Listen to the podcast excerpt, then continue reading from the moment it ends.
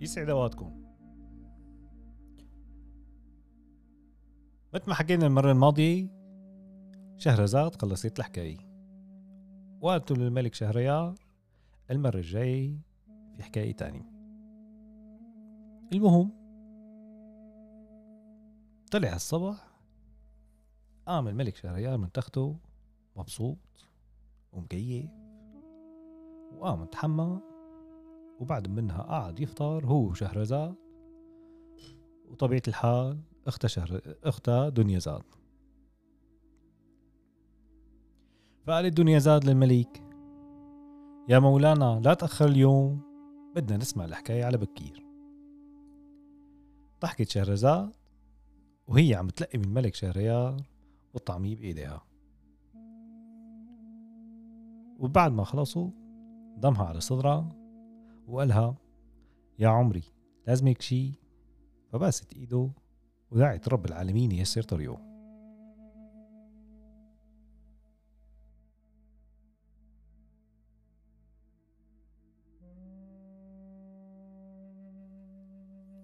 راح الملك شهريار على محل حكمه اجتمع بالعسكر والوزراء شي ولا وشي عزل خلص نهاره ورجع ركض بده يسمع الحكاية. فات على جناحه الخاص لقى كل شي مجهز. الفواكه والعشاء وشهرزاد لابسة بكل أناقتها عم تستقبله وتاخد منه أواعي. بعدين غسل ايديه وقعدوا يتعشوا وارتكى فقال الدنيا زاد اجا وقت الحكاية فقالت شهرزاد إذا مولانا الملك بيوافق ومالت عليه وناولته صحن فواكه مقشرة أخذ الملك وضعية الاستماع وبلشت شهرزاد تحكي الحكاية. فبتقول كان في رجال صياد تعبان اسمه حامد عنده ثلاث أولاد. ومرته. كل يوم بيروح بيصيد بالبحر وبيرمي الشبكة أربع مرات. واللي بيرزقوا فيه رب العالمين رضيان فيه. فبيوم راح حامد يصيد. رمى الشبكة وصبر عليها شغلة ساعة. إجا بعدين بده يسحبها طلعت إيدي. يعمل هيك هيك ما يقدر ربط الشبكة بحبلة بعدين ثبتها بشجرة وغطس قال لحاله رزقا محرزة عالج فيها تحت المي لحتى تحررت طلع سحبها لا بقلبها حمار ميت. فزعل وقعد ينضب حظه ويقول يا رب ايمتى بدلت السمك بحمير؟ أعوذ بالله من الشيطان الرجيم. فضى بعد منها حامد الشبكة وفردها تتنشف وبعدين ركب الطعم ورماها هو عم بيسمي بالله. صبر كمان ساعة. ورجع صار معه نفس الشي غطس لقى بقلب الشبكة في جرة. كلها رمل وطين.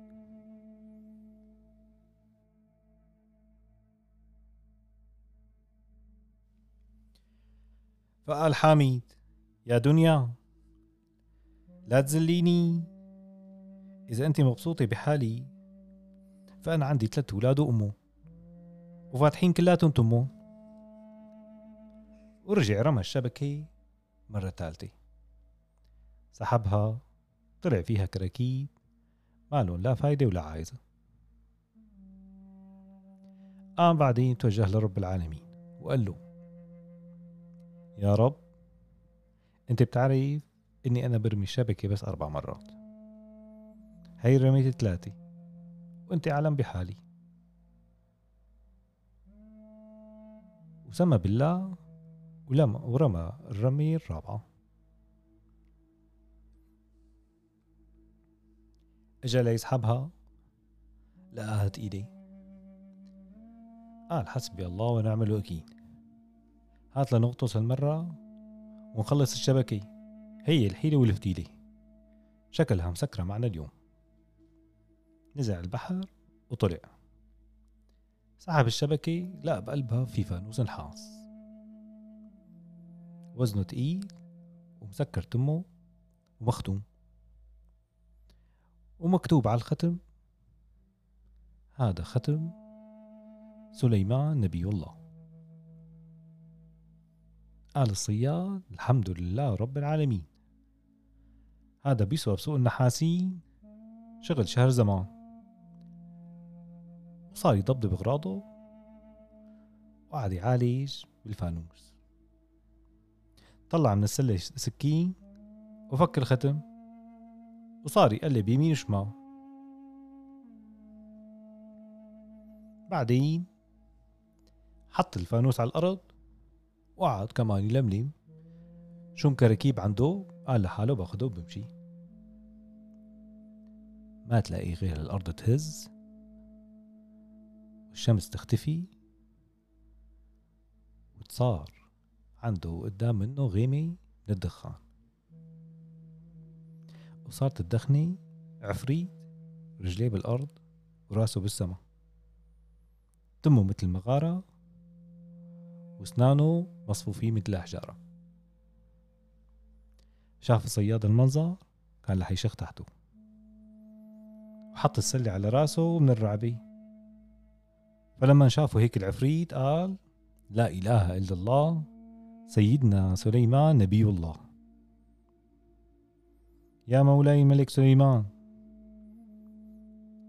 يا ملك الإنس والجان. بوعدك لا بعصيك ولا بخالفك بس لا تقتلني قال له حامد عم تقول النبي سليمان. له سن... له 2000 سنة ميت. نحن هلا بآخر الزمان. هات لشوف شو قصتك؟ وكيف صرت لقلب الفانوس؟ قال له العفريت الله يبشرك بالخير. فشد ظهره هيك حامي فكر حاله عامل شغلة كبيرة. قال له شو البشارة؟ قال له العفريت بيموتك هون خريط صاحبنا حامد من هالسيرة.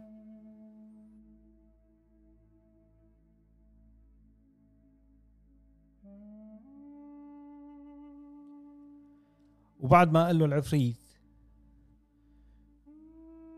إنه بشارتك هي موتك قال له يخرب بيتك. ما فكيت لك أسراك من قبل الفانوس جاي بدك تقتلني؟ بدل ما تكافئني وتعاملني مثل ما بيعملوا العفاريت من شبيك ولبيك. قال له العفريت تكرم عينك طلب وتمنى كيف حابب تموت؟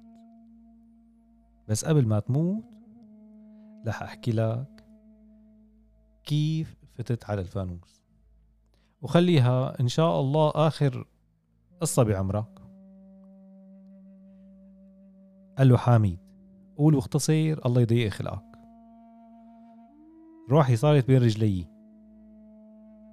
وكان العفريت بزماناته بزمن سيدنا سليمان بن داود اسمه صخر صخر الجني. وكان عاصي لأمر الله. وأوامر سيدنا سليمان. فسيدنا سليمان بعت وزيره قال له جيب لي اياه هذا صخر شكله هذا ما حيزوب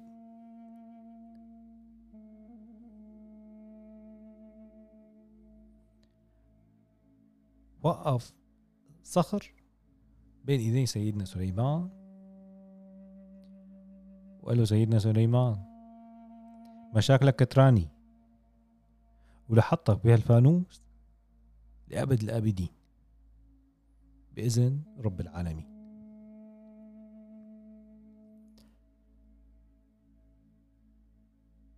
وضل صخر بقلب الفانوس بعمق البحر. سنين عشرة عشرين بعد مئة سنة. قال صخر إذا بيجي حدا بفكني لا أغني لأبد الآبدين ومرقت بعد المية مية تاني قال إذا حدا بيجي بخلصني إلي أنا إنه أعطيه كنوز الدنيا. فما حدا خلصه وكل مئة سنة تنقص المكافأة. شي بدي يكون عبد إله شي بدي اطلع وزوجه أحلى نسوان العالم. وضلت هيك هيك هيك هيك تخف المكافأة لحتى قال إي والله بس لاطلع اللي بده يطلعني لاطلع بروحه.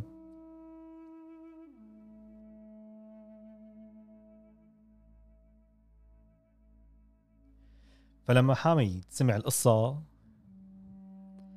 قالوا لي يخرب بيت قلب حظي.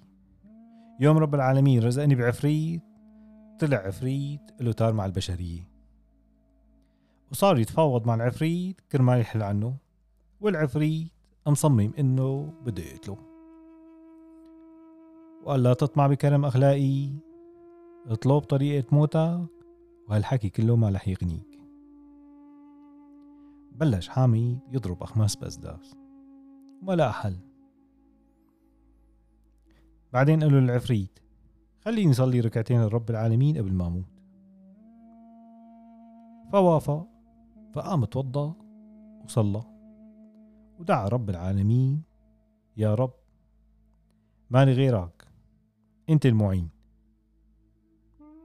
وغمض عيونه وهو عم بيتشهد ويصلي على النبي. لسه ما خلص صلاة اتذكر إنه أهل الإنس هن امكر من أهل الجن ورب العالمين كرم الإنسان بالعقل والحيلة. فتح حامد عفري فتح حامد ايديه للعفريت وقال حلفتك بالاسم الأعظم المنقوش على خاتم سيدنا سليمان. شرط تجاوبني؟ بصدق قال له العفريت أمرك. قال له كيف أنت بقلب الفانوس؟ وهو ما بيطلع قد أصبع رجله وصار يفتح الفانوس بإيديه. ويتحركش فيه للعفريت لحتى يستفزه. ضايق العفريت وقال له أنا زادي وكنت بالفانوس محبوس. وبفضل الله طلعت. قال له حامد كذاب ماني مصدقك إلا لشوف بعيوني. عصب العفريت صخر وطار بالهواء ونزل من فتحة الصندوق من فتحة الفانوس. ورجت الأرض من تحت رجلي حامد أفندي. ومن حلاوة الروح طار ونزل بإيده الختم تبع سيدنا سليمان. وقال له للعفريت شو يا بي سمعني صوتك هلأ. أنا موتي حابب تموت. والله لأرمي هالفانوس بالبحر. خليك تعرف إن الله حق. ويشهد علي ربي لأبني بيت على هالشط. وكل واحد بده يقرب ويصيد هون لأحكي له حكايتك يا ملعون وهالعفريت يلعلع وينادي رجع لي حريتي وطلبت منه. لكن حامي عامل قدم من طين وقدم من عجين. والعفريت يتحايل عليه ويغريه بله شي بالهدايا وشي بالكنوز. والحمد لله ضل الصياد حامي صامت. وقال له العفريت. وقال له للعفريت. شكلك ما سمعت قصة الملك يونان والحكيم دويان. فقال له العفريت صخر. لا والله ما بعرف شو صار. مثل ما قلت لك إلي أكثر من ألفين سنة محبوس دخلك شو الحكاية؟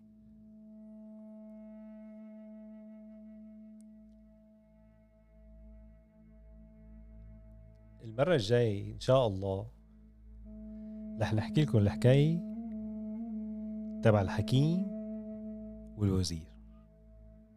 هالمرة 15 دقيقة حلوين.